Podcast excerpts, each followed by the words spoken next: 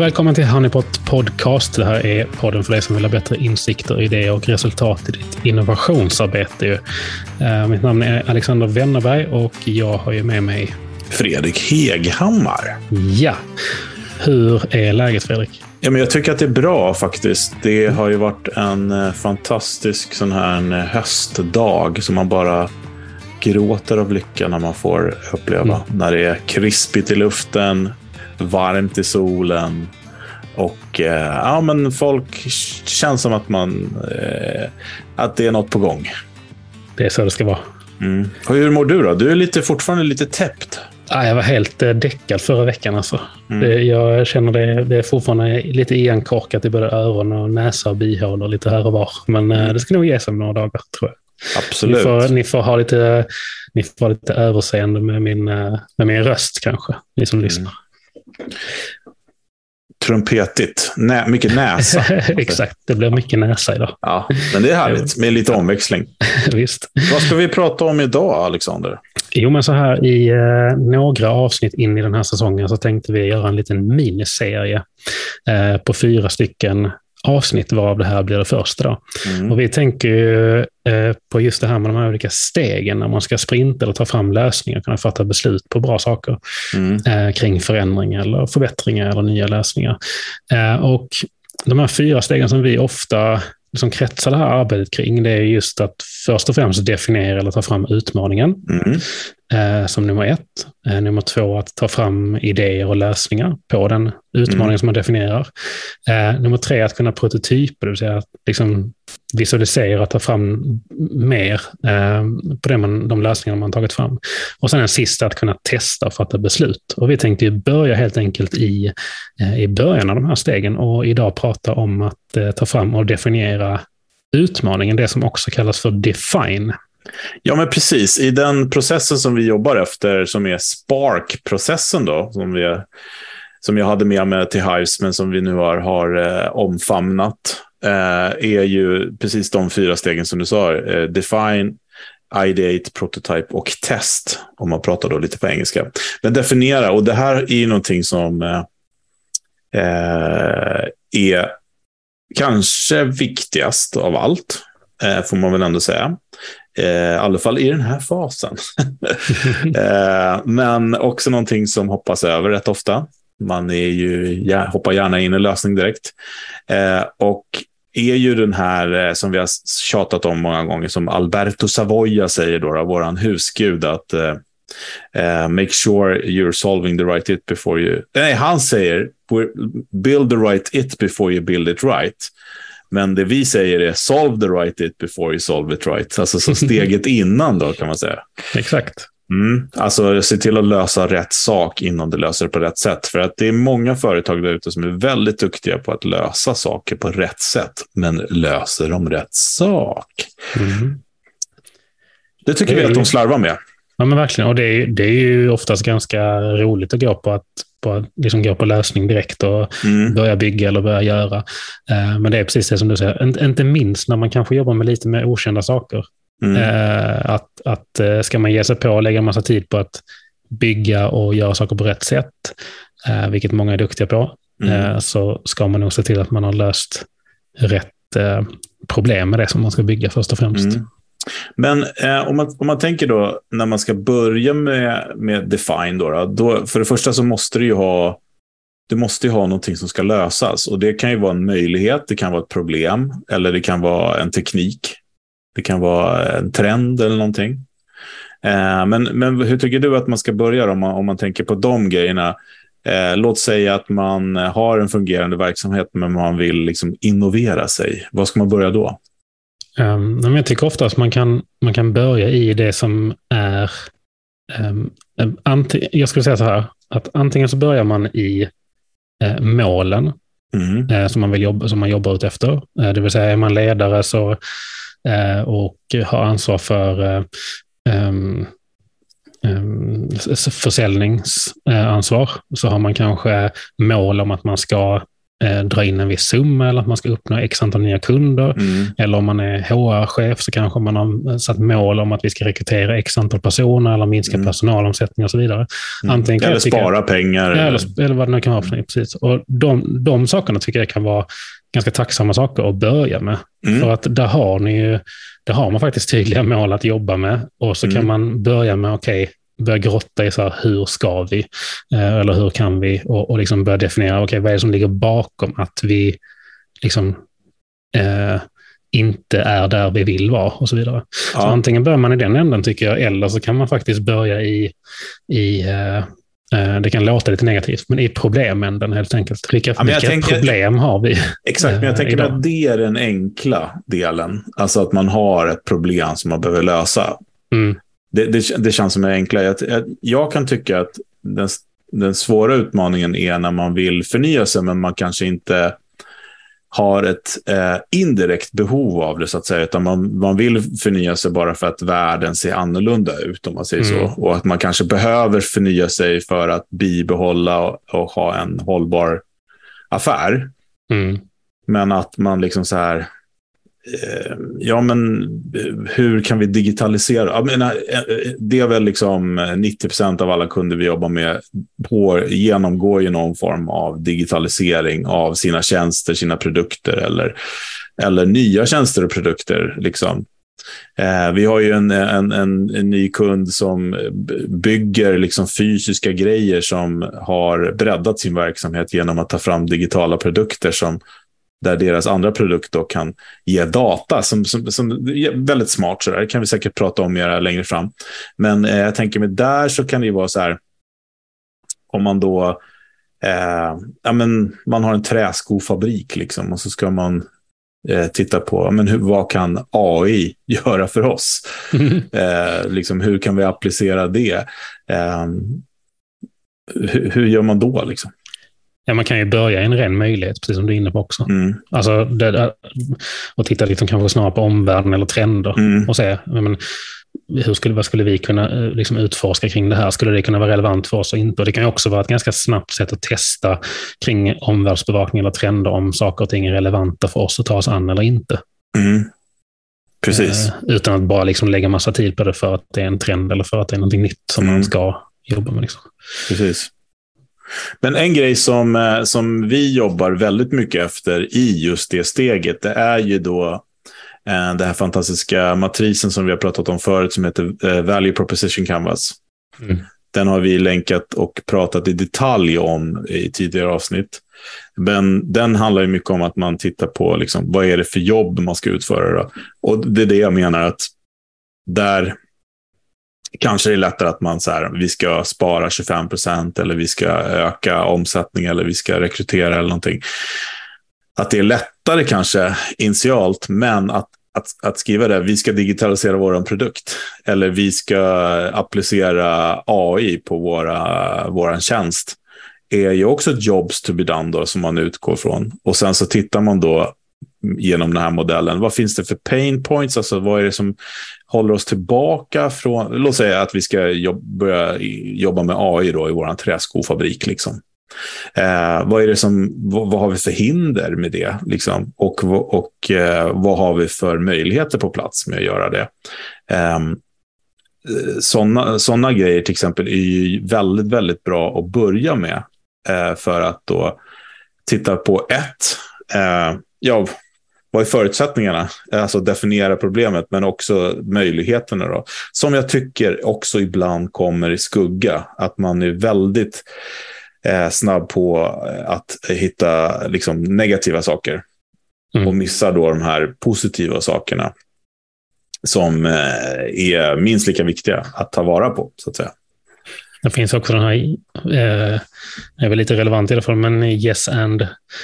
Ja. Eh, tankesättet. Det vill säga att om någon säger någonting, att man istället för att första tanken faktiskt är att hitta varför det inte stämmer eller varför det inte funkar. Att mm. man börjar din mening med yes and eller ja och.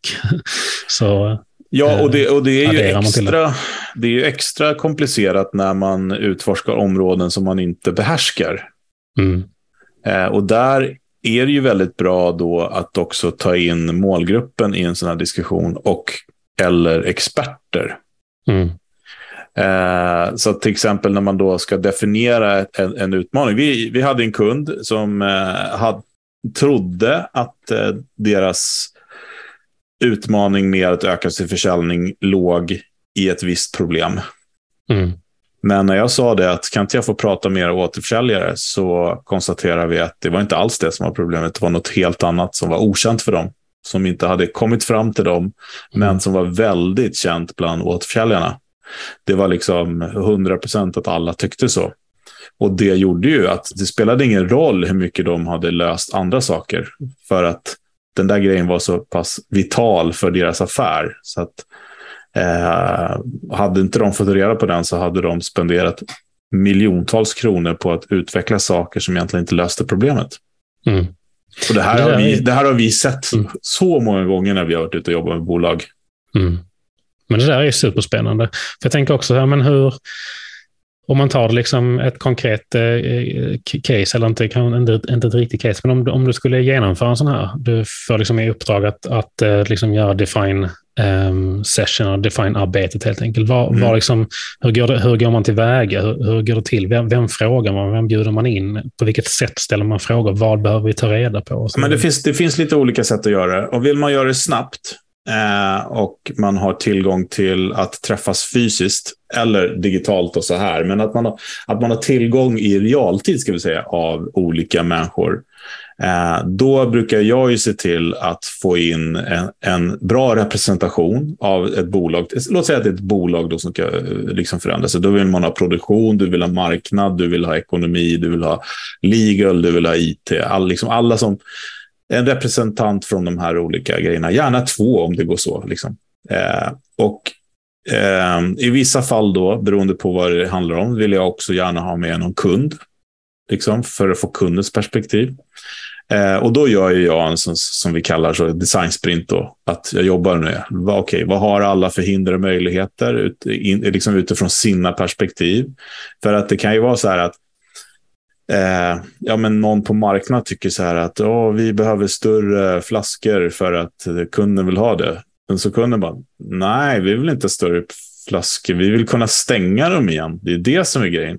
Jaha, jaha, liksom så här typ. Eh, men då går det väldigt fort också att enas om riktning om vad det är man behöver lösa. Så att det först handlar, först handlar det om att eh, braindumpa, om man säger så.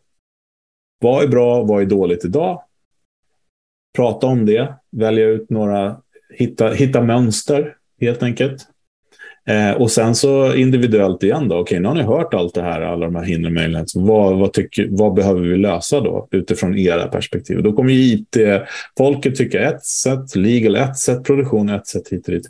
Och då presenterar man för varandra. Och ibland så är det så magiskt att de har samma pain points. Eller liksom, till exempel då. Eh, så att de får väldigt förståelse för, aha, aha, vi har ju samma problem. Ja, ja, men då kan vi göra så här. Ja, och så kolla ekonomi. Aha, har ni det där problemet? Ja, men då tar vi bort en avrundning. Liksom. Det är inga problem för oss. Eh, vi visste bara inte att ni ville göra det. Och så, så får man någon form av bruttolista på vad man behöver eh, titta på. Eh, och utifrån den bruttolistan då så prioriterar man och skriver då själva eh, utmaningen som sen ska tas fram idéer på. Så, så brukar jag jobba i alla fall. Mm. Ja, men det är eh, grymt. Alltså, vi, jag tänker igen på den här som vi har tagit upp flera gånger. Eh, för vi har tjatat väldigt mycket om det här med kraften i perspektiv och hur mm. viktigt det är att få in olika perspektiv. Egentligen i många av de här olika faserna såklart. Mm. Eh, såväl liksom define-fasen kanske inte minst jätteviktig också. Men eh, kan man tillämpa den här regeln om fem här också? Eh, nej, det kan man ju inte inte. Eh, jo, det kan man om man har tillgång. Alltså, om, jag, om jag kunde få fem från varje avdelning så skulle ju det vara toppen. Mm. när det kommer till målgruppen, absolut. 100 procent. Ja. Eh, och den kommer vi komma tillbaka till när vi pratar om testing sen. Mm. Men det, det jag också vill säga det är så här att eh, men, eh, eh, grundregeln i design thinking då, som är på något sätt den metoden vi använder oss av. Eh, för att röra oss snabbt framåt. Det är ju att man har representation från olika perspektiv helt enkelt. Eh, och tyvärr så pratar man mycket om att man ska ha kunden med när man gör det här. Eh, bara. Och det, det är jätte, jätteviktigt såklart, för att det är till den man löser någonting. Men jag tycker ju att det är lika viktigt att ha företagets olika delar, avdelningar representerade. Så, så här, intern design thinking, så att säga. Och det handlar mycket om att man ska empatisera med dem som faktiskt ska skapa det här.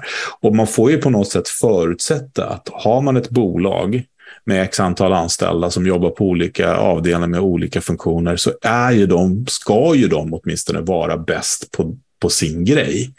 Mm. Eh, annars har man kanske felrekryterat. Och det är det jag menar, att, att skapa det här samförståndet så att de här silosarna blir liksom man pratar om att folk jobbar i silos, att de öppnas upp en liten kort sekund för man får liksom en samsyn där det här eh, liksom övergripande eh, holistiska perspektivet på någonting när man, när man fattar att allting hänger ihop. Att har inte eh, Björn i receptionen en fungerande telefon, ja, då kommer inte Anna på produktionen få några beställningar på bilar. Så är det. Mm. liksom det, det, då, kan, då kan man effektivisera det hur mycket man vill och man kan göra hur mycket reklam man vill. Men det, kommer, det, det går inte att svara telefonen eller man har fel på servern så det inte kommer någon mail. Ja, då är det där det tar stopp.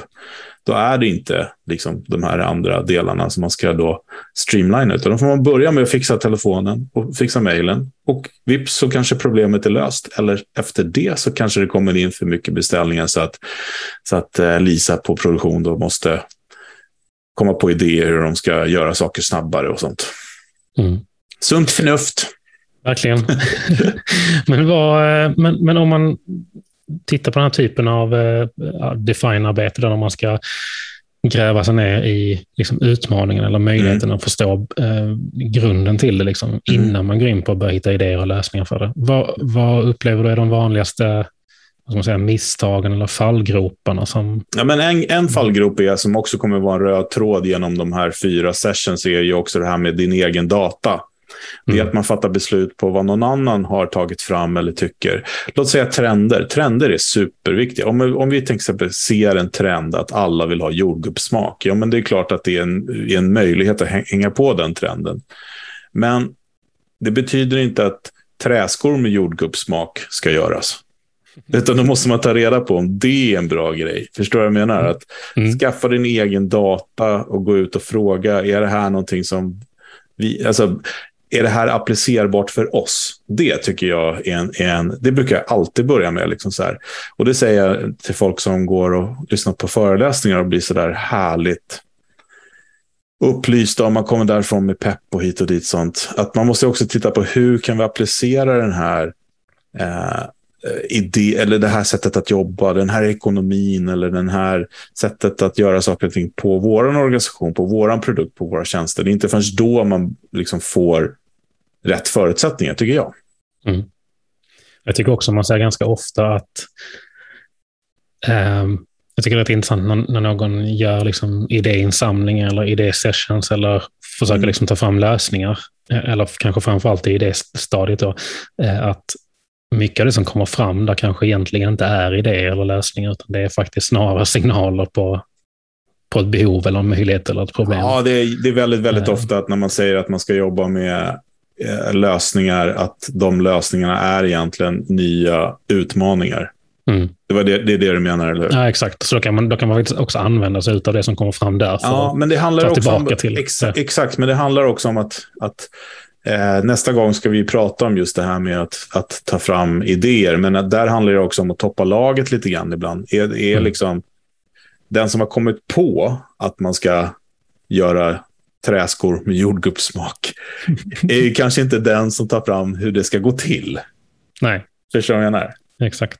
Men, men, men om vi stannar kvar i den här grejen så är det ju det att, att skriva Jo, det, det, det, jag skulle säga det var så här att eh, det finns ju massa, massa sätt att samla in den här datan på såklart. Och eh, har man möjlighet att göra en workshop, eh, eller sprint som vi kallar det, med i realtid så är det väldigt effektivt. Mm. Ett annat effektivt sätt att göra det på är ju självklart att använda en digital insamling. Och där är ju, vi har ju byggt ett verktyg för det här och det det är ju också ett, eh, liksom, som kan ligga och samla upp saker hela tiden på något sätt, eller när man, hur mycket man bestämmer. Eh, och det finns andra verktyg också som är väldigt bra på den här grejen. Men just det här med att när man jobbar digitalt, eh, när man inte är med och har någon som faciliterar, så kan det vara bra att ha ett verktyg som faciliterar. Som har en struktur, som gör det enkelt att bidra, som ställer frågor som gör att man får in svaret på ett visst sätt. Eh, till exempel, så man får ett format som man kan jobba med. Eh, men här är ju liksom eh, bakgrunden väldigt, väldigt viktigt. Och jag brukar tänka i alla fall att som i vårt system, Hives då, kan man få till lite grann som DN och Svenskan, du vet det här fetstilta, det räcker med att läsa det för att förstå vad det handlar om, om du är tillräckligt intresserad. Men ska du verkligen lösa problemet så kanske du behöver läsa mera underlag och titta på. Alltså förstår du, det, det är olika kategorier med människor som bidrar. Eh, men ingressläsarna måste kunna kunna utifrån ingressen förstå vad utmaningen handlar om. Sätta den i mm. kontext är jätteviktigt. Komma med exempel. Eh, det, är liksom, det är storytelling helt enkelt. Tycker jag. Håller du med om det? eller? Jo, definitivt. Jätteviktigt. Alltså, en viktig del i det man vill, eh, ja, speciellt när man vill involvera människor i det, mm. är jätteviktigt att skapa förståelse. Mm. Eh, och det kommer man märka också, tror jag, liksom, oavsett vilket steg man är i. Men alltså kanske speciellt i define-steget, när man jobbar med att försöka ta fram då, mm. de här hindren, möjligheterna eller behoven och problemen mm. som ligger bakom. Att är det här jobbar vi med någonting som, där någon förstår syftet ja. bakom vad vi gör nu, eller vad vi ska mm. någonstans, eller vad det är vi försöker förstå. Mm. Uh, det kommer man märka väldigt Precis, snabbt. Men, men, men det är också det, det som är det enkla.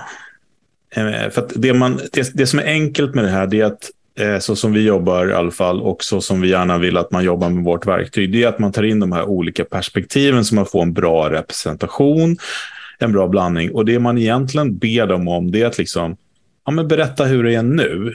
Um, och det här är, det här är väldigt, väldigt viktig, viktig grej här, för att vi vill ha nuläge. Mm. Uh, vi vill inte ha hur det blir om man fixar någonting. För då bör vi komma in på det fenomenet som händer när vi fyller i såna här uh, enkäter och sånt. liksom. Hur ofta vill du gå på gymmet? Ja, fyra gånger i veckan. Alltså, då bör vi hitta på och skapa den här utopin. Utan det är nuläge. Och, och, det är någonting som är jättesvårt vet jag eh, när jag gör mina workshops. Jag får verkligen, verkligen, verkligen vara på min vakt där och säga ja, nej, men du vet så här, då kommer vi kunna samarbeta. Ja, men, sker det här samarbetet idag? Nej, men om vi har den här processen på plats så kommer det göra det. Ja, men det betyder att ni inte har det. Då är en process en möjlig lösning sen. Eh, men just nu så har ni ingen process för samarbete. Nej, det är sant. Det har vi inte. Nej, mm. okej, okay. då är det en pain. Ni har mm. ingen process. Så man får hjälpa ibland med att, att suga ur det här som är bra och dåligt. Faktiskt. Ja, men det är väldigt, väldigt bra eh, hållpunkt tycker jag.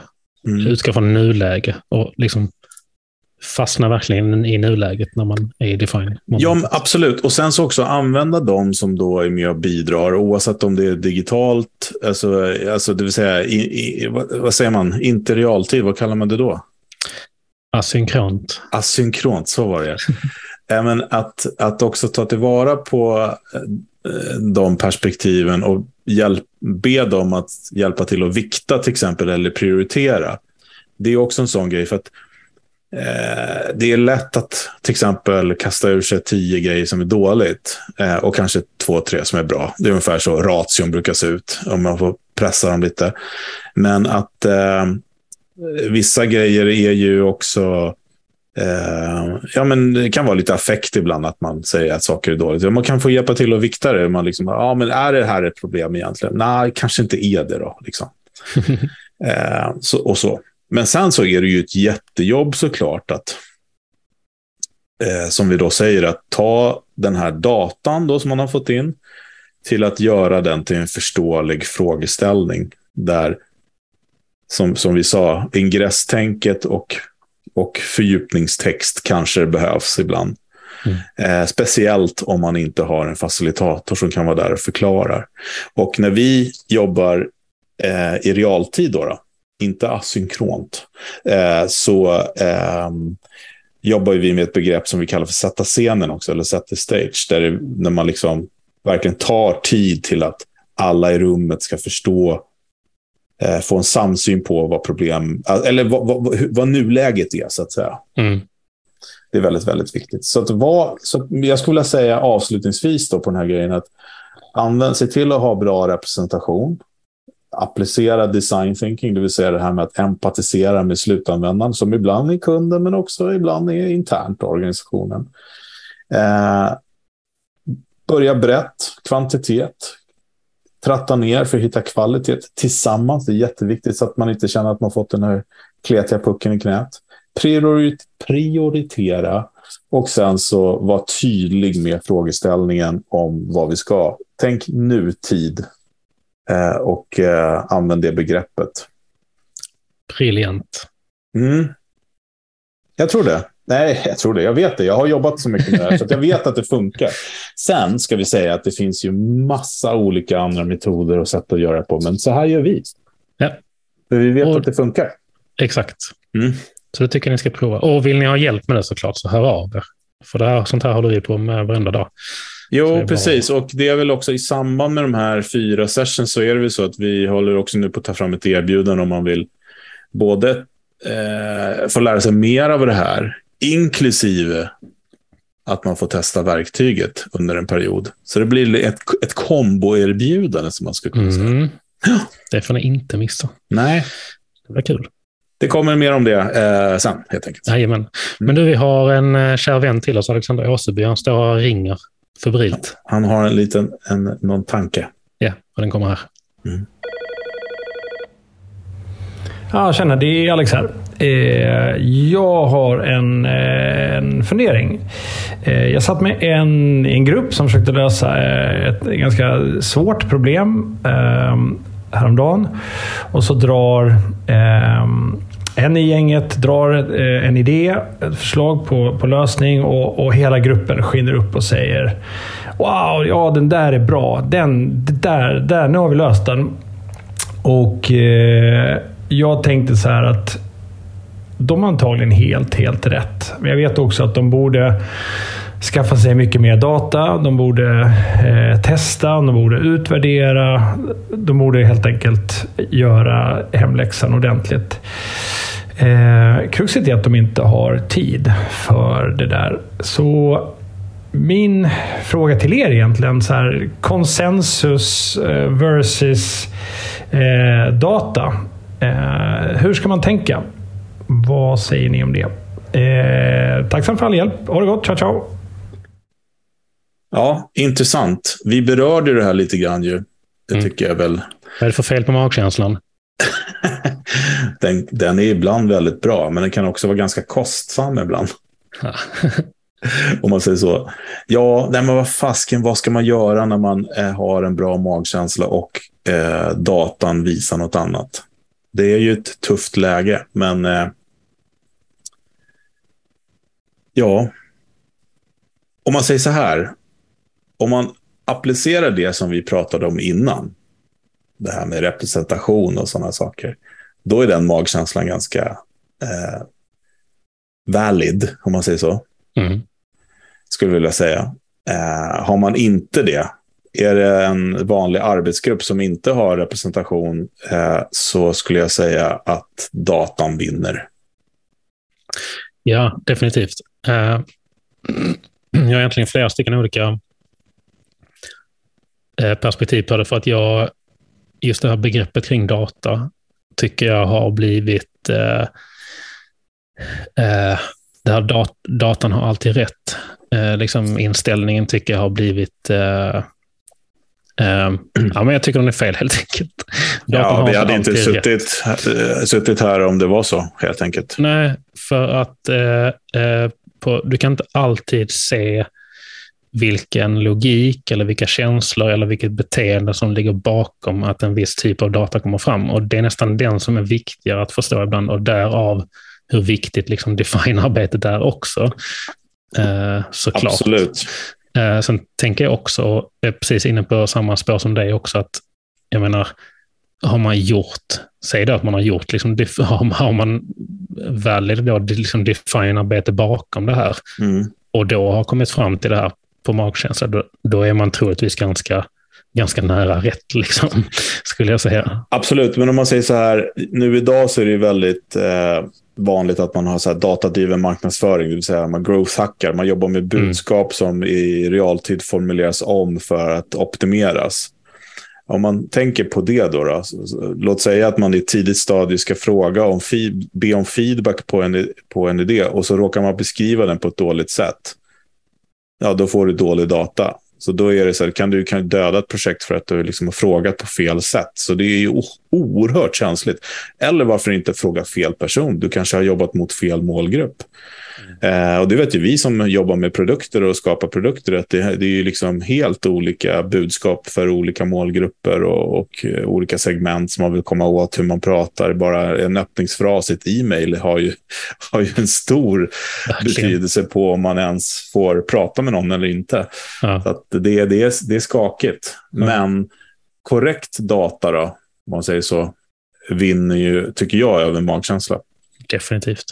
Sen skulle jag också säga att det, jag kan tycka att det hänger lite grann på, och där får man nog bara jobba på att vara lite själv eh, lite självkritisk och lite djävulens advokat i den typen av situationer. Men det hänger också lite grann på vilka är det som sitter i den här gruppen, det här rummet. För att ha, om lösningen exempelvis är att lösningen skulle vara eh, en, eh, liksom en rent teknisk lösning eh, som de skulle fatta beslut kring eh, och den eh, hade en viss komplexitet, liksom, mm. eh, systemarkitekt, eh, systemarkitektmässigt.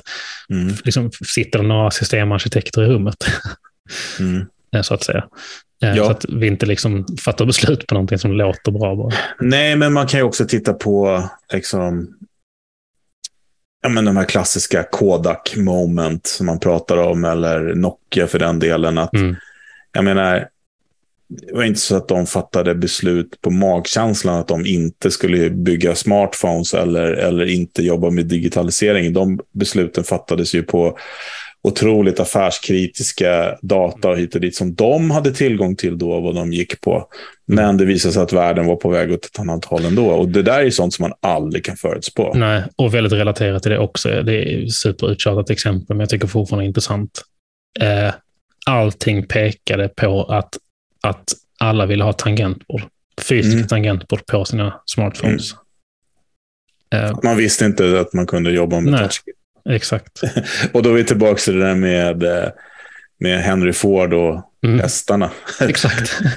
så det är klart att viss magkänsla. Sen, sen ska jag väl också säga så här att eh, bedriver du verksamhet med magkänsla, se till att ha mycket pengar på banken, för det kommer ta tid och det kommer kosta pengar. Men det är fine. Det är fine. Rätt, rätt vad det är så sitter den där smällen där. Sen finns det ju folk som, är man, är man om så kring sig, och jag skulle vilja säga så att de som är riktigt, riktigt vassa på att fatta mag, alltså beslut med magen, Mm. De, det, det är ju personer som lever och äter och skiter design thinking hela tiden. De har ju ja. örat mot rälsen. Som, Mm. De är som antenner liksom, mm. som samlar upp saker och ting. Så det är inte riktigt rättvist att säga att ah, det kändes lite bra. Nej, det är oftast de som mm. gör sådana grejer är ju det är data. Fast ja, det byggde på, byggde på väldigt gediget underlag, fast man Exakt. har liksom nästan gjort det omedvetet. Ja, liksom. ja. Mm. Nej, men det... Och en del branscher vill inte ens tro på data heller. Jag såg den här filmen här som är en dramadokumentär om eh, ja, den här fastighetskrisen i USA. Där bankerna gick omkull och sånt. Mm. Han som förutspådde den, den här ja, exakt. smarta snubben. Jag kommer, nu kommer jag inte ihåg namnet, poddhjärnan. Mm. Men det lustiga var, eller inte alls lustigt, det är extremt olustigt. För det som den filmen handlar om, när de köpte försäkringar på att marknaden skulle gå dåligt. Mm. Det är tyvärr det vi ser nu med elmarknaden, läste jag idag. Det är precis samma, samma mekanism. Att de här fasta priserna som folk har signat på, det är de som gör att det blir jäkligt tufft För att, för att alla, alla elbolag måste ju se till att leverera el till det priset som de har kommit överens om. Det. Och det är därför det drar iväg för de som inte har det. Då, såklart. Ah, alltså det säger sig självt, men Ja. jag har inte tänkt på det på så sätt. nej. Eh, ja, det, är, det är ett annat avsnitt. Elavsnittet. om, om, om vi har råd att dra igång Exakt. datorerna nästa gång. Ja, det är inte lätt. Nej. Ja, men spännande. Jag hoppas Verkligen. att ni har fått ut någonting av eh, avsnitt ett av fyra i serien. Vad kallar vi den? Innovera mera. Jag vet Inno, i, I miniserien Innovera Mera med Honeypot Innovera. Podcast. Exakt. Nej, men det första steget som heter Define, då, eller def, definiera utmaningen, som kanske är det viktigaste. Eh, och en väl definierad utmaning kan ju också alltså föda eh, föda riktningar i alla dess former, i form av teknik, eh, hur, hur man, hur man, hur, man eh, vad ska jag säga, allt. Alltså, en, en väl definierad frågeställning kräver ju också att man går olika riktningar och det kan vara affärsmodeller, det kan vara produktionsmodeller och tekniker och allt möjligt. Mm. Som kommer från samma definiering, det var så jag menar. Exakt. Eftersom ett problem kommer sällan ensamt och likaså en, ut- en eh, möjlighet. Det blir spännande. I nästa avsnitt ska vi snacka om idéer och lösningar. Yes! Men det är snart eh, Gather Festival också. Ja, för fasiken. Det måste vi säga. Eh, har vi några av er som vill gå på Gather Festival som är en par participatorisk innovationsfestival som, med också mycket musik. Det är ju tre olika delar eh, som den är. Och vi är med i, i konferensdelen. Eh, konferensdelen, säger man det? Ja, det gör vi. Mm. Det heter konferens på festivalen, precis som Jajamän. handlar om innovation, de har olika teman och vi ska prata om eh, framtidens eh, arbetsplats, tror jag det var, va? Mm. Är det där? Eller framtidens sätt att arbeta. Och vi har dessutom en masterclass också som man kan gå. Eh, och då är det så fint att de, våra vänner har vi en promokod till, så hör av er. Om ni vill gå. Och sen så har hade de ju också öppnat upp det för eh, young creatives, alltså kreatörer som är Mm. upp till 18 eller var det från 18? Eh, Ehm, ja, 18 till 21 va, eller var det? Vad kan det ha varit? Och studenter. Alltså, Ja, precis. Som pluggar någonting Mm. som har med kreativitet att göra. precis. Och gå gratis. Ja, det är skithäftigt. Det är fantastiskt. Mm. Så kolla det. Gather.se. Ja. Och hör av er om ni vill ha en liten promo-code så får ni lite rabatt också. Jajamän. Vi ses nästa tisdag och tills dess får ni ha det gott. Hej, hej, hej.